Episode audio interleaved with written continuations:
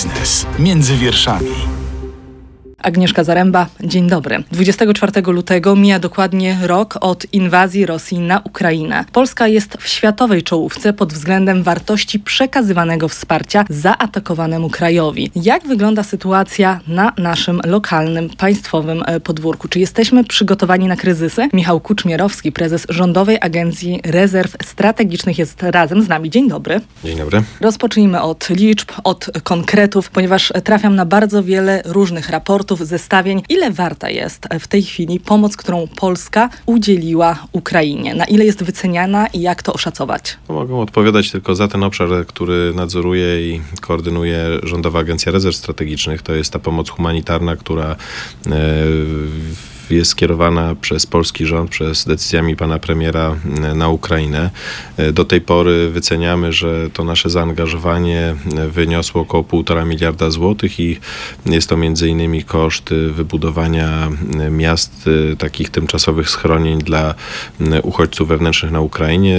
Ponad 10 tysięcy miejsc w takich tymczasowych schronieniach tam stworzyła Polska właśnie dla tych uciekinierów wewnętrznych. Oprócz tego dostarczyliśmy e, ponad 10 tysięcy e, ton żywności, e, różnego rodzaju sprzętu, leków, który, który właśnie pomaga w tym, żeby ludzie na Ukrainie dotknięci, szczególnie właśnie w wyniku tych działań związanych z agresją rosyjską, mogli w miarę komfortowo, na, ile można to w ogóle w ten sposób nazwać, żyć. Pan regularnie bywa na tamtym terenie z racji pełnionej stanowiska. Jak pan to dzisiaj po roku ocenia? Na pewno sytuacja na Ukrainie jest bardzo trudną sytuacją. Żadne, żadne z nas, nikt nie chciałby żyć tak długo w strefie wojny, w strefie, w której codziennie można się spodziewać jakichś ataków rakietowych, czy, czy, czy tego, że właśnie tam, zwłaszcza w, na, na wschodniej Ukrainie, południowej Ukrainie, tam mogą jakieś działania frontowe, działania wojenne w, po prostu bardzo szybko nastąpić. E, na pewno to e, terroryzuje ludność, ale trzeba powiedzieć, że e, Ukraińcy mają niezwykle silną wolę walki, mają bardzo duży taki upór wewnętrzny i determinację. Wielu z nich nie chce wcale wyjeżdżać z Ukrainy, dlatego tak ważna jest ta pomoc, która dociera z Polski po to, żeby właśnie wesprzeć te osoby, które chcą zostać na Ukrainie. Dlatego tak ważna jest ta żywność czy leki, które docierają w ramach tej pomocy i dlatego tak ważne są innymi w tej chwili, to, to co robimy w tej chwili również, nie tylko za pieniądze polskie, bo mm, o, o, tym nie mówiliśmy, ale to warto podkreślić, że za tym naszym polskim przykładem idą inne kraje. Mm, między innymi ostatnio y, Wielka Brytania również dołączyła do tego projektu tych y, schronień tymczasowych. Budujemy kolejne właśnie lokalizacje, tym razem już y, ze wsparciem rządu Wielkiej Brytanii. Oprócz tego wygraliśmy w tej chwili kilka takich grantów zaakceptowanych przez Komisję Europejską, między innymi e, jest tam grant między, między innymi na zakup agregatów prądotwórczych, e, e, które będą docierały właśnie do tych najbardziej potrzebujących.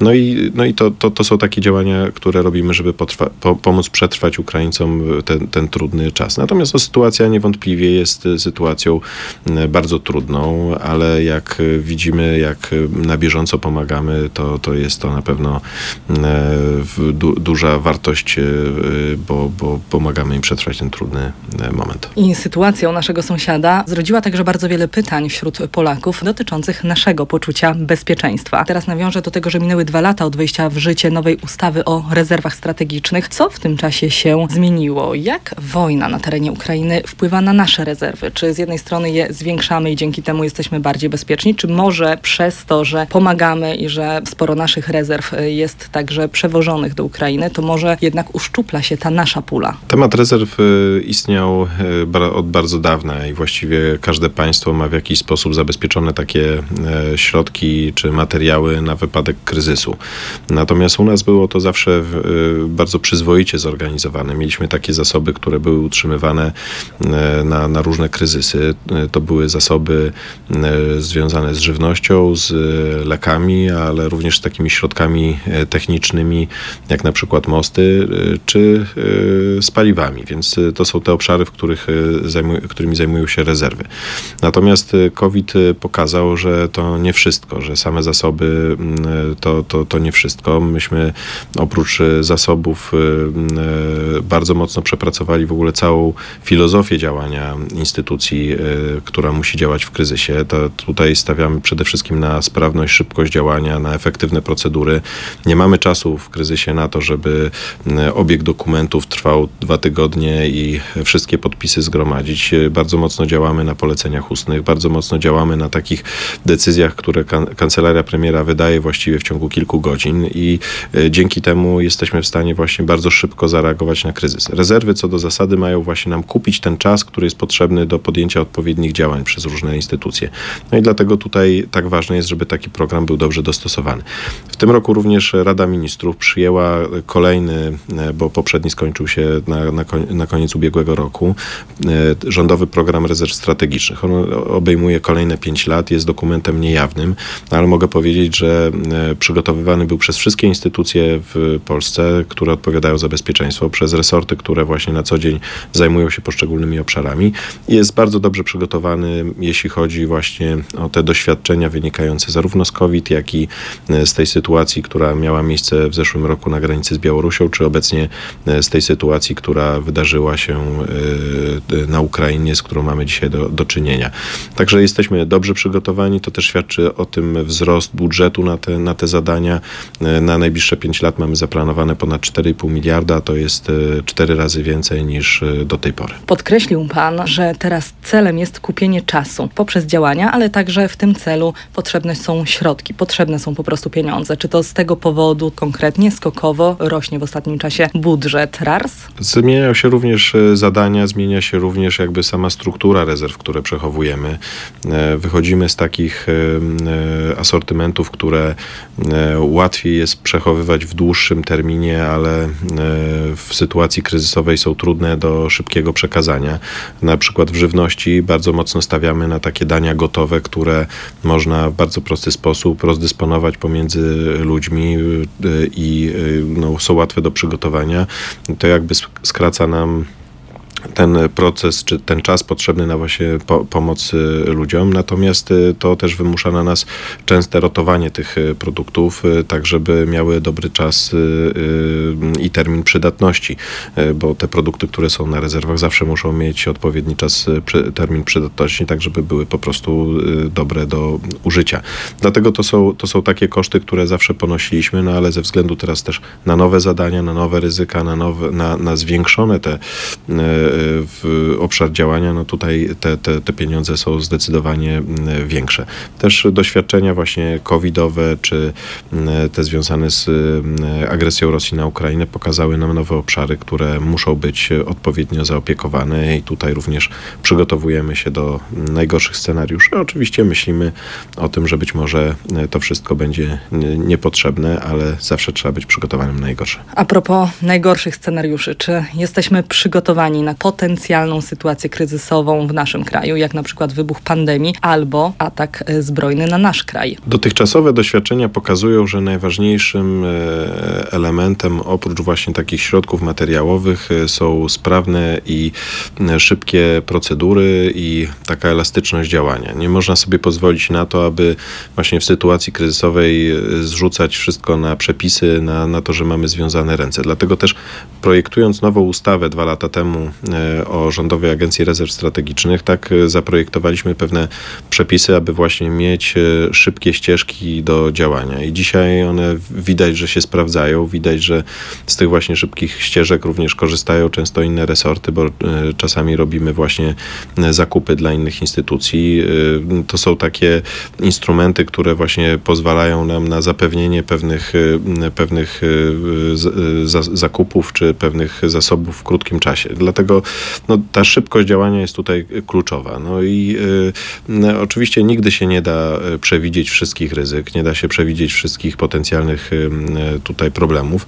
Natomiast y, no, udało nam się przez te dwa lata tak zbudować y, również nie tylko te struktury wewnętrzne, ale również współpracę między resortami, współpracę między innymi instytucjami. No tutaj naprawdę muszę wyjątkowo ciepło wypowiadać się o naszych partnerach typu Ministerstwie Obrony Narodowej czy Ministerstwu Spraw Wewnętrznych i Administracji, z którymi mamy najwięcej wspólnego. Czy w COVID-zie współpracowaliśmy bardzo dużo z Ministerstwem Zdrowia, no bo również te instytucje rozumieją właśnie, jak przebiega kryzys, jak trzeba szybko reagować i no zawsze mieliśmy bardzo dobrą współpracę, natomiast dzisiaj jakby w sytuacji tego, co się dzieje na Ukrainie, no jest ona wyjątkowo, wyjątkowo dobra i, i trzeba powiedzieć, że działamy jak jeden zespół i to jest największą wartością w każdym kryzysie. Bywają także sytuacje kryzysowe na świecie, w których to państwo jesteście tym partnerem zewnętrznym. Teraz mówię o sytuacji, gdy polscy strażacy pojechali na pomoc do Turcji, ale korzystali ze sprzętu, który dostarczała właśnie Rządowa Agencja Rezerw Strategicznych. Jak wygląda taki proces pomocy i ile on kosztuje?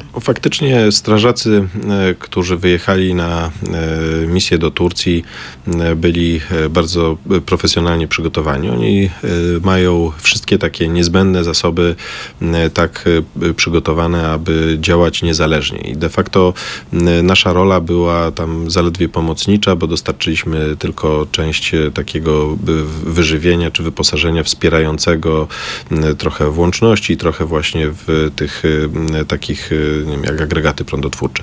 Natomiast no, trzeba powiedzieć, że tego typu zespoły muszą być samodzielne, więc tutaj nasza rola jako agencji była marginalna. Ona zaczęła się e, dopiero wzmacniać w późniejszym okresie, kiedy jako agencja już decyzjami premiera i e, też z inicjatywy Ministerstwa Spraw Zagranicznych dostarczaliśmy e, głównie środki medyczne, leki, opatrunki, ale również właśnie żywność czy takie wyposażenie kwaterunkowe poszkodowanym zarówno w Turcji, jak i w Syrii, więc no to, to jakby e, te zasoby Agencji Rezerw nie zawsze muszą być e, jakby tym pierwszym, e, najważniejszym elementem pomocy, ale, ale w sytuacjach takich międzynarodowych również jesteśmy gotowi, żeby, żeby tutaj nieść, nieść taką pomoc. Z takich przykładów trochę mniejszych, ale również nie, niezwykle ciekawych, bo wydawałoby się, że Niemcy, które są dużym, bardzo takim poważnym państwem, jeśli chodzi o właśnie różnego rodzaju sytuacje kryzysowe. W, w, ubiegłym roku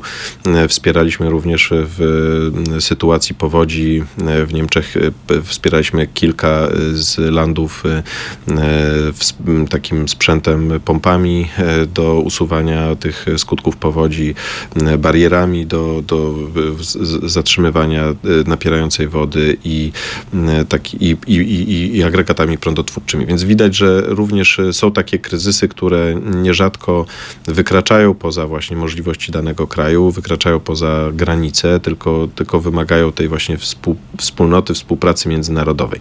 I tutaj też mo mogę podkreślić, że jako agencja nie korzystamy tylko i wyłącznie z tych e, środków budżetowych, które przyznaje nam polski rząd, ale w ostatnim czasie również e, udało nam się e, wygrać granty dotowane przez Komisję Europejską, gdzie między innymi budujemy całe zaplecze dla całej Unii Europejskiej, jeśli chodzi o środki i wyposażenie tak zwane CBRN, czyli y, y, chemiczne, biologiczne, radiacyjne i nuklearne. Tutaj będziemy mieli taki magazyn właśnie w Polsce, będziemy mieli magazyn, który w sytuacji kryzysowej będzie udostępniany poszczególnym potrzebującym krajom, żeby ich y, służby mogły być odpowiednio zabezpieczone w tego typu sytuacjach. To jeszcze teraz tak na sam koniec powiedzmy o samych dalszych planach agencji, bo wiemy już, że możecie organizować logistykę szczepionek, obsłużyć wojsko, służby na granicy, a także dostarczyć pomoc poza granice kraju. Czy planujecie jeszcze bardziej rozszerzyć te działania, może skupić się już w najbliższym czasie tylko na wybranych?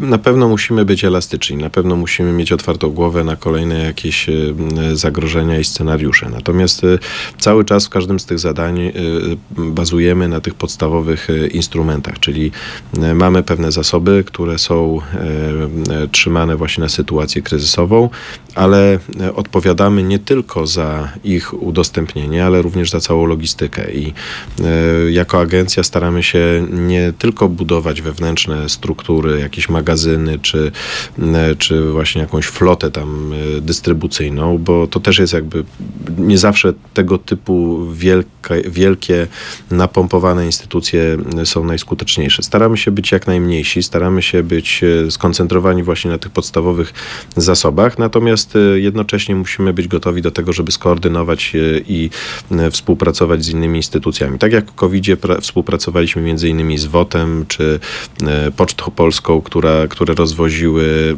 nasze środki ochrony osobistej do szpitali, tak jak w, później w całym programie szczepień korzystaliśmy z takich komercyjnych przewoźników e, farmaceutycznych, żeby przewozić e, szczepionki, to tak e, dzisiaj nie budujemy dodatkowej floty, tylko właśnie staramy się postawić na, na tą taką wielozadaniową,ść elastyczność działania i umiejętność zbierania i, i integrowania tych wszystkich rozproszonych i już istniejących elementów w, również w tej przestrzeni gospodarczej. Także zobaczymy, co przyniesie przyszłość.